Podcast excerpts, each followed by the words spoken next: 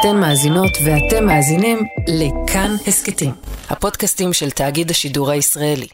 היי, אני שאול אמסטרדמסקי, אתם ואתן על גורי כיס. כן, גורי כיס, הפודקאסט שלנו על כלכלה לילדים וגם לילדות. והיום אני רוצה להכיר לכם את הבן הקטן שלי. קוראים לי אורן, אני בן של שאול, ואין משהו באמת ספציפי שאני עושה בחיים. בן כמה אתה? עשר. אתה אוהב להיות בן עשר? זה לא כל כך משנה לי. אורן מאוד אוהב לשחק איתנו משחקי קופסה, ואחד המשחקים שהוא הכי אוהב זה מונופול.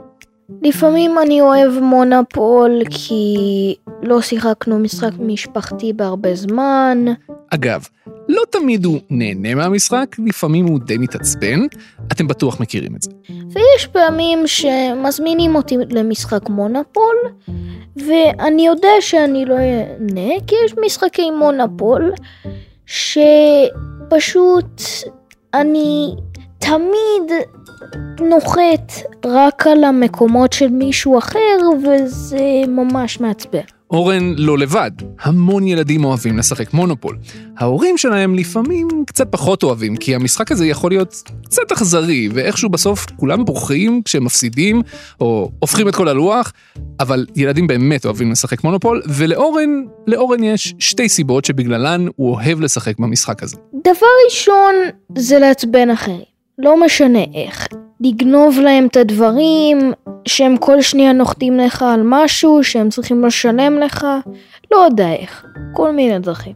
דבר שני, זה הקטע שבמשחק שאתה באמת מתחיל לבנות הרבה בתים ואתה כל שניה נוחתים לך על המקומות, אז אתה מקבל טונות כסף והמשחק פשוט משחק מהר וכיף. עכשיו, אני רוצה להודות במשהו, הרבה מאוד פעמים אורן מנצח אותי. וזה קצת מוזר, כי הוא בן 10 ואני בן 43. ואני שיחקתי במשחק הזה הרבה יותר פעמים ממנו. אני אמור להבין אותו טוב יותר ולהיות יותר טוב בו. אבל במציאות זה קצת הפוך, הוא מנצח אותי לא מעט פעמים. וכשניסיתי להבין איך זה יכול להיות בכלל, שמתי לב שהוא ואני משחקים אחרת לגמרי. השיטה שלו, האסטרטגיה שלו, ממש הפוכה משלי. אני הכי אוהב לקנות את הצבעים שאני הכי אוהב לקנות. אני הכי אוהב לקנות את הצהובים, האדומים, החומים ולפעמים את הכתומים. זה באמת מה שאורן עושה בכל פעם שאנחנו משחקים. הוא מנסה לקנות את העיר הצהובה ואת העיר האדומה, ולפעמים גם את הכתומה ואת החומה, שהיא הכי זולה על הלוח. ולי זה ממש משונה, כי כשאני משחק, אז אני מנסה לעשות את ההפך. אני מדלג על כל הרחובות הזולים, ומחכה להגיע לרחובות העיקריים ולקנות אותם, כי כשהשחקנים האחרים נוחתים שם, זה מכניס לי יותר כסף. אני כן שמתי לב לזה, ואני לא כל כך יודע למה. למה אתה קונה את הצבעים היקרים? ועדיין, השיטה שלי לא כל כך עובדת, והשיטה שלו כן. הוא מנצח אותי לא מעט. נראה שהאסטרטגיה שלו עדיפה על פני האסטרטגיה שלי. אז. השבוע בגורי כיס, מה האסטרטגיה המנצחת במונופול? לפני שנענה על השאלה הזו, תנו לי להגיד שלום לצליל אברהם. שלום שאול. צליל, זו כבר העונה השנייה של גורי כיס, ובכל פרק אנחנו נענה על שאלה אחת של ילדה או ילד, שחשבנו שיש לנו סיפור כלכלי נחמד לספר עליה. נכון, ובשביל לענות על השאלה של אורן, על המונופול, אנחנו צריכים שנייה לדבר על איך נראה הלוח של המונופול. על הלוח יש ערים, לכל עיר צבע אחר, ובכל עיר יש כמה רחובות, בין שניים לשלושה. ככל שהעיר יותר קרובה לנקודת ההתחלה, ככה הרחובות שלה יותר זולים, וגם יותר זול לבנות בהם בתים ומלונות. וככל שהעיר יותר רחוקה מנקודת ההתחלה, כך הרחובות שלה יקרים יותר, ויותר יקר לבנות בהם בתים ומלונות. בגרסה העברית של מונופול, העיר הכי זולה היא העיר החומה, אילת, והעיר הכי יקרה זו העיר הכחולה, תל אביב. צליל, הנה הקלפים של העיר הכי זולה, אילת. תקריא שנייה כמה עולה כל רחוב, וכמה עולה להקים שם בתים. כל רחוב באילת עולה 60, ולהקים בית עולה 50. יופי. עכשיו, בבקשה תקריא את המחירים של העיר הבאה בתור, זאת העיר בצבע תכלת, טבריה. אוקיי, אז שני הרחובות הראשונים בצבע תכלת, בטבריה, עולים 100, והשלישי עולה 120, ולהקים בתים, אה, גם פה כל בית עולה 50. שזה קצת מוזר, נכון? כאילו, הייתי חושבת שככל שאני מתקדמת לעיר יקרה יותר, גם המחיר של הבתים יהיה גבוה יותר. בדיוק, אבל הוא לא. ואת יכולה לבדוק את כל הלוח, ואת תגלי שבכל צלע של הלוח, המחיר של הרחובות קצת עולה ככל שמתקדמים, אבל המחיר של לבנות בית בכל הרחובות נשאר בדיוק אותו הדבר. מאוד משונה. יפה. עכשיו קלטי את החלק המוזר השני בסיפור הזה. חזרי שנייה לקלפים של העיר החומה, של אילת. נניח שיש לך שם בית, ונניח שאני נחתתי שם, אוקיי? כמה אני אשלם לך? אמ, אתה תשלם לי 20. יפה. נניח שיש לך את הרחוב הכי יקר בעיר תכלת, טבריה, איפה שהמחיר של הבית הבא הוא בדיוק אותו דבר כמו בעיר החומה. כמה אני אשלם לך אם אני אנחת שם, שם אתה תשלם לי, רגע, איפה זה? הנה, 40. שזה פי שניים? כן, פי שניים. מוזר, למרות שלבנות את הבית הזה עולה לי בדיוק אותו דבר, גם פה וגם פה. ורגע, אני מסתכלת על הקלפים ואני רואה שזה לא החלק המוזר היחיד בסיפור הזה. תראה, נניח שבניתי בית אחד ברחוב חום. אם אני רוצה לבנות עוד בית, זה יעלה לי בדיוק אותו דבר, עוד 50 שקל. גם ברחוב בעיר התכלת זה יעלה לי עוד 50. אבל אז, אם כבר יש לי שני בתים, או אפילו שלושה בתים, אתה תשלם לי הרבה יותר כסף אם יש לי את העיר בצבע תכלת. תראה, עם שלושה בתים ברחוב החום הכי יקר, אתה תשלם לי 180. וברחוב הכי יקר בתכלת, אתה תשלם לי 300. זה חתיכת הבדל, למרות שהבתים עולים בדיוק אותו דבר. ולכן, אם יש לך אפשרות לבחור אם לקנות או להשתלט על העיר החומה או על העיר התכלת, באיזו עיר תבחרי? ברור שבעיר התכלת זה הרבה יותר משתלם, זה ממש זול לקנות פה המון בתים, זה יכניס לי המון כסף אם תנחת שם. יפה. אז זה החלק הראשון בבניית האסטרטגיה במונופול, לקנות בתים זולים בערים שהן יקרות יותר בצלע. אבל זה לא מספיק בלי החלק השני. אז הנה מגיע החלק השני.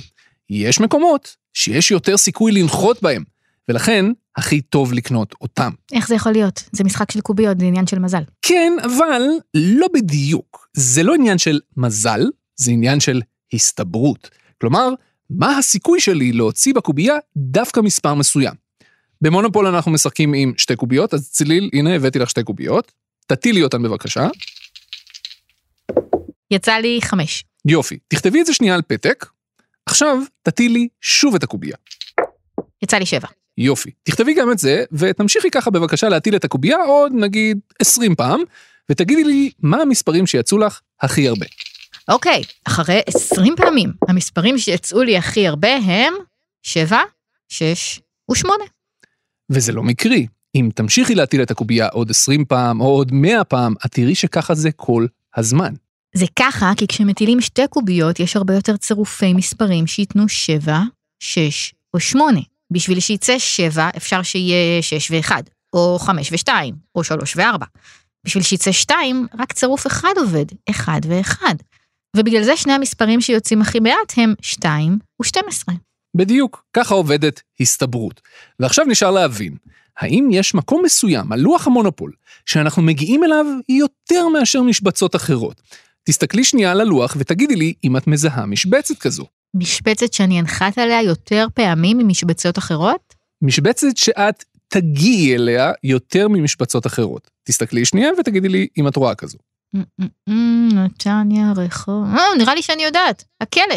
נכון, הכלא.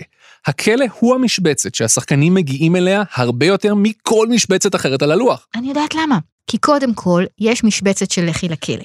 נכון, ויש קלפים של הפתעה ששולחים אותך לכלא. נכון, וגם אם יוצא לך דאבל שלוש פעמים, אז הולכים לכלא. בדיוק.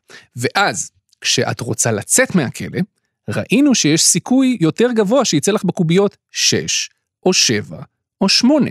אז, עכשיו תסתכלי על הלוח ותגידי, אם את בכלא ויוצא לך 6, או 7, או 8, לאן זה לוקח אותך? לעיר הכתומה. בדיוק. ומהסיבה הזו בדיוק, העיר הכתומה, נתניה, היא העיר שהכי הכי משתלם לקנות במונופול. היא יותר משתלמת מהעיר הוורודה, שנמצאת איתה באותו הצד, בגלל מה שאמרנו קודם, על המחיר של הבתים, לעומת כמה שהם מכניסים לך, והיא העיר שיש הכי הרבה סיכוי שהשחקנים ינחתו בה. ובאופן דומה, העיר הבאה בתור שהכי כדאי לקנות, זו העיר האדומה, רמת גן. אז שחקנית שתקנה גם את העיר הכתומה וגם את העיר האדומה, ותתחיל לבנות שם מלא בתים, יש לה את הסיכוי הכי גדול לנצח? חד משמעית כן, וזה בדיוק מה שהבן שלי עושה. הסיפור הזה עם כמה שהבתים עולים לעומת כמה שהשחקנים האחרים ישלמו לנו אם הם ינחתו שם, הסיפור הזה נקרא תשואה. אולי שמעתם את ההורים משתמשים במילה הזאת לפעמים? המילה הזאת מתארת כמה כסף אפשר להרוויח אם משקיעים בדבר מסוים, גם בחיים האמיתיים, לא רק במונופול. נגיד שתקנו דירה שעולה מיליון שקל, ואחרי כמה שנים תמכרו אותה בשני מיליון שקל. אפשר יהיה להגיד שעשיתם תשואה של 100%, כי המחיר שבו מכרתם גבוה ב-100% מהמחיר שבו קניתם. ובמקרה של המונופול, התשואה מאוד שונה מעיר לעיר ומרחוב לרחוב. יש רחובות שאפשר להרוויח עליהם יותר, כלומר לעשות יותר תשואה. ולמרות שיש המון שחקנים שממש מנסים לקנות את הרחובות הכי הכי יקרים על הלוח, נגיד כמוני, אז מסתבר שזה לא חכם במיוחד, כי התשואה שלהם, כלומר הרווח שאפשר לעשות מהם, הוא לא הרווח הכי גבוה. יש לך דוגמה? בוודאי. בואי ניקח למשל את הרחוב הכי יקר על הלוח, הטיילת בתל אביב. הרחוב הזה עולה 400, ולבנות עליו בית עולה 200. כלומר, שבשביל להגיע למצב שיש לי בית על הטיילת בתל אביב, אני צריך לשלם 600. עכשיו, אם את תנחתי שם כשיש שם בית אחד, את תשלמי לי רק 200. מה שאומר שאני צריך שתנחתי שם שלוש פעמים, רק בשביל שאני אחזיר את כל הכסף שהוצאתי על זה. וזה לא קורה כל כך הרבה שנוחתים שם. ובאותו מחיר בדיוק, אני יכולה לקנות את הרחוב הכי יקר בעיר הכתומה, נתניה, ולבנות עליו ארבעה בתים. ואתה תשלם לי על זה 800, כלומר יותר ממה שזה עלה לי, כך שהתשואה הרבה יותר גבוהה, וזה הרבה יותר משתלם. צליל, תזכירי לי לא לשחק איתך יותר מונופול לעולם. ומהסיבה הזו, אגב, הדבר הכי הכי חשוב במונופול הוא, אל תחכו.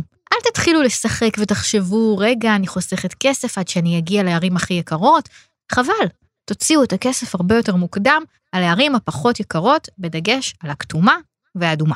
אגב, אם אתם רוצים עוד כמה טיפים כלליים כאלה למונופול, אז נסו לקנות כמה שיותר רכבות, כי זה יכניס לכם הרבה מאוד כסף מחלקים שונים של הלוח. אל תשקיעו כסף בלקנות את חברת החשמל או חברת המים, הסיכוי של השחקנים לנחות עליהם הוא ממש קטן, וזה גם לא מכניס הרבה כסף. בקיצור, שאול, הבן שלך צודק. באמת האסטרטגיה של לנסות לקנות את הערים הכי יקרות היא לא האסטרטגיה הכי טובה. הוא לגמרי לגמרי צודק. עדיף לקנות את הערים שהוא הכי אוהב. האדומה, הכתומה, אולי הצהובה, זה לא יבטיח שתמיד תנצחו, אבל זה יגדיל משמעותית את הסיכוי. כן, זה די הגיוני, הכתומה בשביל לשים שם בית ומנעול זה 100 וגם נוחתים שם די הרבה.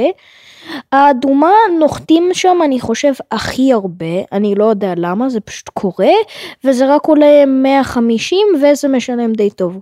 ואם כבר מדברים על מונופול, את המשחק הזה המציאה לפני יותר מ-100 שנה אישה אמריקאית בשם אליזבת מגי.